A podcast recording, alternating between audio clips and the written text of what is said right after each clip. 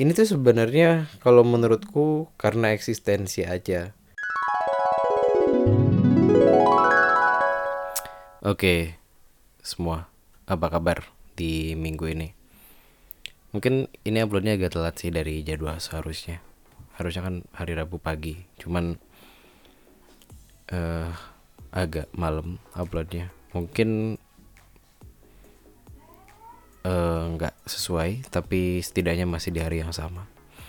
Uh, kali ini gue mau ngebahas tentang ini sebenarnya bidang yang jadi fokusku dulu karena aku uh, hidup dan mencoba besar di forum anak jadi mungkin ada hubungannya dan aku bisa sedikit komentar tentang apa yang terjadi sama seorang anak yang dibunuh oleh seorang ABG atau remaja yang berusia 15 tahun. Gitu ya 10 tahun beda umurnya tapi udah berani melakukan pembunuhan yang sangat menggemparkan tentu saja. Uh, untuk informasi dan pemberitaan tentang anak-anak atau berita ini mungkin kalian udah pada tahu dan kalau yang belum pun silahkan dicek aja di sosial media atau di berita apa pun yang kalian suka untuk cari informasinya seperti apa. Karena saya pikir nggak usah uh, bahas itu di podcast ini gitu loh. Ini cuman opini dan pendapatku tentang apa sih sebenarnya yang harusnya apa sih yang yang yang menyebabkan hal-hal itu tuh kejadian gitu loh? Karena semuanya itu kan pasti ada sebabnya ada hal yang membuat uh, hal itu kejadian gitu loh. Nggak mungkin semuanya itu kejadian uh, apa ya kalau nggak nggak jelas gitu loh dari mana kenapa dan itunya tuh nggak jelas tuh nggak mungkin sebabnya kan kalau salah salah satunya adalah dari tontonan film yang ditonton oleh si pelaku sehingga dia ingin melakukan hal yang hal hal seperti itu. Ini tuh sebenarnya kalau menurutku karena eksistensi aja. Dia merasa uh, aku bisa ngelakuin apa yang yang orang itu lakuin gitu. Dan salah pengidolaan sih sebenarnya kalau misalkan ini dijadikan sebagai tersangka orang ini dijadikan sebagai seseorang yang bersalah menurutku tuh sebenarnya orang tuanya juga harusnya jadi jadi orang yang jadi tersangka juga gitu loh. Karena anak tuh nggak ngerti apa-apa. Mereka tuh nggak paham apa yang dilakuin kenapa harus ngelakuin ini dan itu dan dan lain-lain sebagainya itu. Mereka tuh cuman ngerti dari hal-hal yang mereka pelajarin di lingkungannya. Dari film obrolan dengan temen games dan lain sebagainya. Orang tua harusnya bisa mengkontrol itu dan memberikan pendidikan atau pengarahan yang benar gitu loh. Bukan malah membiarkan dan hanya difasilitasi dengan gadget atau sesuatu yang membuat anak itu merasa nyaman di dunia itu gitu loh nah sekarang di 2020 ini anak-anak umuran 2-3 tahun aja udah bisa pakai ponsel udah disuguhin sama film-film yang ada di YouTube.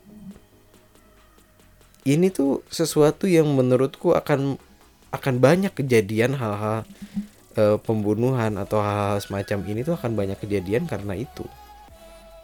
Di usia mereka yang sangat dini, mereka sudah diberikan akses untuk e, apa ya, menjelajahi dunia secara bebas gitu loh mungkin di usia mereka yang 2-3 tahun 4 tahun itu mereka masih main game yang mini-mini game gitu nonton film kartun dan mungkin uh, lihat-lihat gambar gitu-gitu aja mungkin. Tapi ketika mereka umur 7 tahun 8 tahun ketika mereka udah masuk sekolah dasar dan mereka ketemu sama teman-temannya yang lain mungkin mereka akan melakukan hal-hal yang lebih dari itu. Bagaimanapun buat account 18 plus itu nggak susah.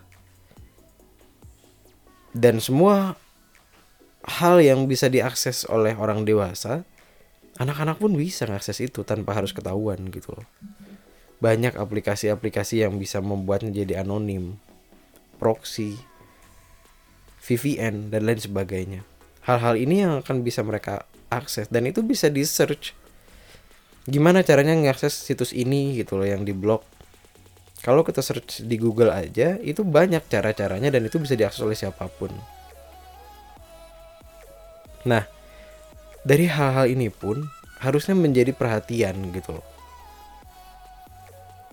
Kalau sekarang kejadian anak-anak yang e, melakukan pembunuhan ini dan mungkin banyak juga yang lain melakukan hal-hal yang tidak manusiawi atau di luar uh, tidak semestinya dilakukan tapi mungkin tidak tidak kebongkar aja nggak nggak ketahuan aja. Gitu loh di 2012 2013 itu kita marak masalah trafficking. Masalah anak yang dipekerjakan. Masalah anak yang bekerja. Masalah diskriminasi. Dan tidak tidak pernah terselesaikan sampai hari ini.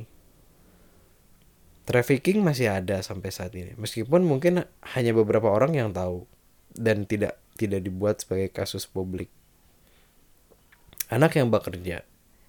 Atau bahkan anak yang dipekerjakan dengan paksa untuk kepentingan beberapa orang itu masih ada.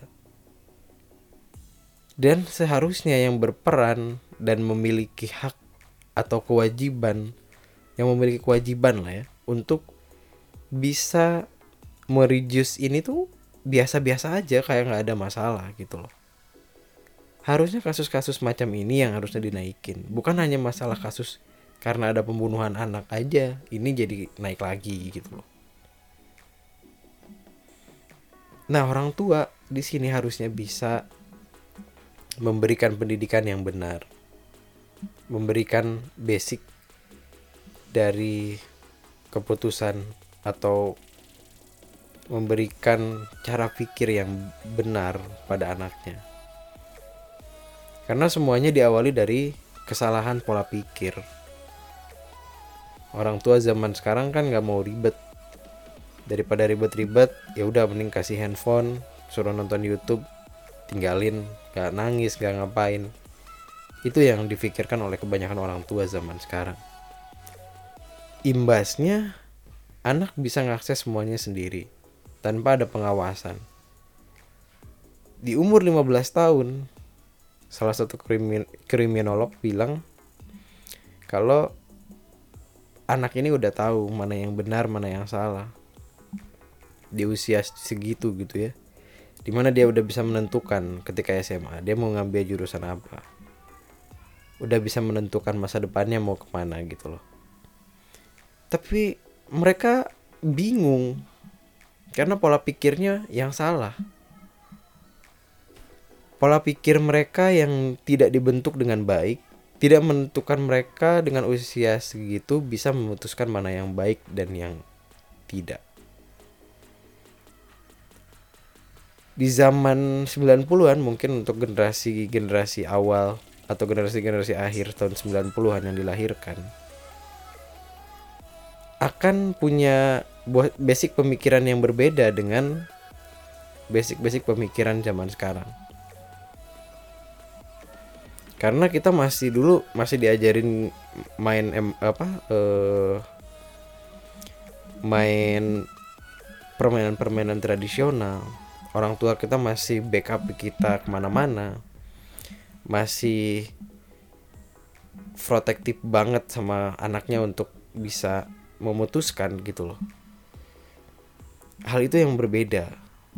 Dari 2000 ke sini apalagi udah 2010 2011 gitu loh di mana gadget udah jadi konsumsi dan kebutuhan primer akhirnya anak bebas menentukan pilihannya sendiri sejak dini tanpa pengawasan yang betul pengawasan yang baik gitu loh. Kalau pengawasannya benar, kalau orang tuanya bisa membangun pola pikirnya dengan baik, itu tuh nggak nggak nggak akan jadi masalah sebenarnya bahkan bagus untuk membuat anak ini lebih cerdas gitu loh. Karena dia bisa belajar apa pun yang dia mau sejak dini. It's great gitu loh. Tapi ketika orang tua tidak memberikan pengawasan yang baik tidak membangun pola pikirnya sejak dini itu jadi jadi masalah. Karena dia akhirnya menjadi kebingungan menentukan mana yang baik dan yang salah. Karena di, yang dia tahu hanya berdasarkan pada internet. Di mana sudut pandang dari kebenaran internet itu kan beda-beda. Tergantung di mana dia ngepost itu, di mana dia memberikan budaya apa yang penulis atau pembuat pemahaman tersebut berada gitu mungkin kebenaran bagi orang Indonesia akan berbeda dengan kebenaran orang Skotlandia atau orang Jerman gitu loh. Dan anak bisa mengakses itu tanpa ada halangan apa pun. Itu yang jadi salah. Jadi mereka mungkin memberikan uh, atau bukan memberikan, memutuskan kebaikan mereka itu berdasarkan pada pola pemikiran kebenaran dari budaya yang lain. Karena tidak ada pengawasan itu kalau misalkan kita punya atau orang tua mau ngawasi anak-anaknya dengan baik memberikan pengarahan mana yang salah mana yang tidak sejak dini pola pemikirannya tidak akan seliar itu NF inisial dari pembunuhnya itu kalau saya tidak salah melakukan itu karena mungkin kurang perhatian dari orang tuanya. Orang tuanya tidak peduli, membiarkan anaknya berlaku sesukanya. Dia terinspirasi dari sebuah film, film dan melakukan itu. Sedangkan sebenarnya film pun ada standar standar tontonnya. Ada yang mungkin di atas 21, ada yang di atas 18, ada yang di atas 13 semua film itu ada standarnya. Tidak semua film bisa ditonton oleh semua orang. Anak ini dengan semua akses yang dia miliki, dengan semua uh, kewenangan dia yang ada di tangannya dia, dia bisa ngelakuin itu tanpa harus mikirin uh, permission itu. Nah ini kadang orang tua lupa zaman itu udah berbeda sekarang semuanya udah bisa ditentukan oleh anak. Semuanya udah bisa berjalan. Uh, semuanya udah bisa berjalan tanpa harus ada izin dari orang tua karena dunia sudah mereka pegang di tangannya sendiri. Sama seperti dulu orang-orang tua zaman dulu selalu jangan pernah bawa laki-laki ke rumah. Kalaupun dibawa atau orang pacaran gitu, mereka punya batasan. Kadang orang tuanya juga ada di situ. Sekarang, anak-anak perempuan bawa laki-laki itu ke kamar mereka.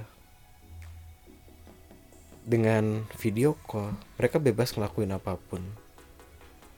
Cuma nggak cuma telepon ada banyak kasus-kasus yang pacaran dengan cara video call, telanjang dan lain sebagainya. Hal-hal itu terjadi sejak remaja. Anak-anak di usia remaja adalah fase di mana semuanya menjadi kepenasaranan yang tinggi. Ingin mencoba, ingin tahu ini gimana, itu gimana. Begitu adalah uh, apa yang selalu terjadi setiap remaja. Orang tua harusnya bisa mem, mem, mem, apa ya istilahnya mengawasi dan memberikan pengarahan yang baik. Karena sekarang tuh udah nggak bisa kayak zaman dulu di jewer, dipukul kayak gitu itu tuh udah nggak mempan sama anak-anak zaman sekarang. Mereka tuh harus dikasih pemahaman yang benar kalau anak itu dilarang untuk mabok-mabokan kasih penjelasan kenapa nggak boleh bukan cuma dilarang tanpa alasan. Kalau anak itu harus ngerjain PR, kasih alasan yang jelas. Kenapa harus ngerjain PR? Hal-hal ini gitu loh. Yang mungkin orang tuh nggak sadar kalau zaman tuh udah berganti. Mereka hanya memanfaatkan, kebanyakan orang hanya memanfaatkan gadget yang udah makin canggih tanpa mengubah mindset mereka untuk hidup. Gitu. Kayak yang tadi saya bilang kalau sekarang orang tua kebanyakan anaknya nangis ya udah kasih ponsel aja suruh nonton YouTube atau main game gitu-gitu. Itu akan menghibur mereka dan orang tua nggak usah kebingungan untuk gimana caranya menenangkan anak Nah itu aja yang mereka pakai tanpa mereka mengubah mindset juga. Di YouTube kan ada history sebenarnya. Nah history ini kan bisa dicek juga apa tadi apa aja yang tadi ditonton oleh anak.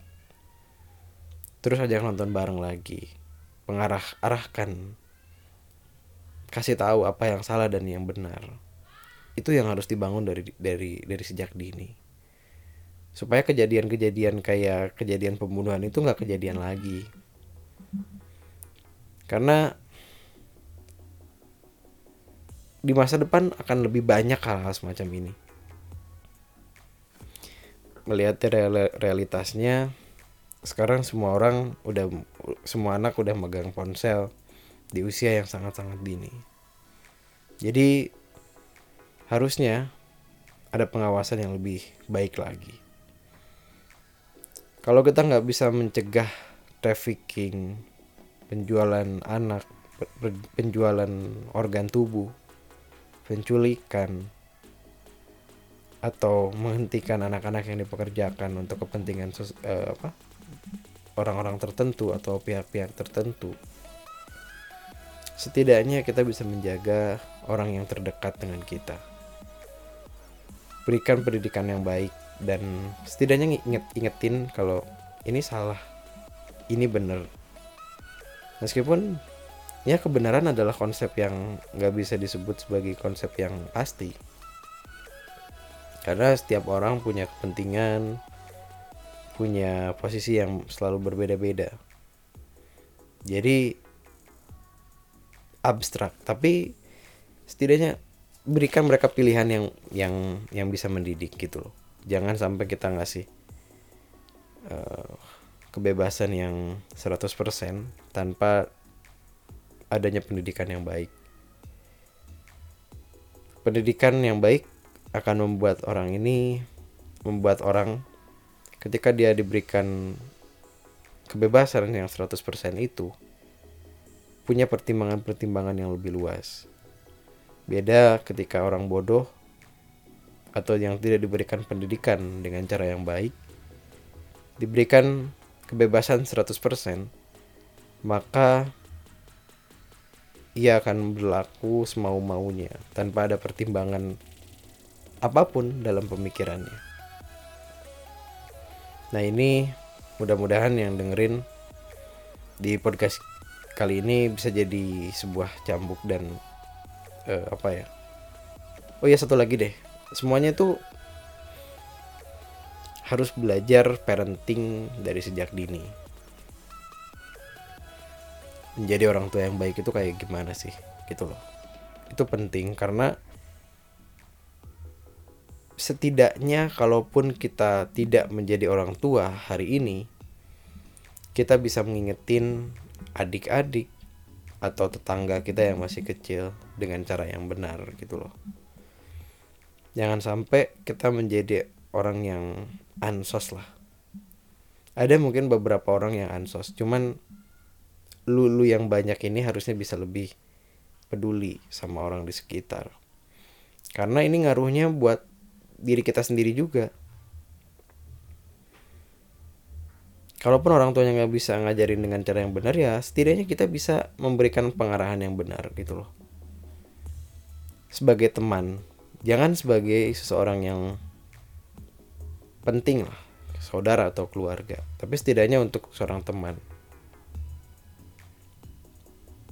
Karena kebanyakan yang merusak dari dalam itu adalah pertemanan lingkungan.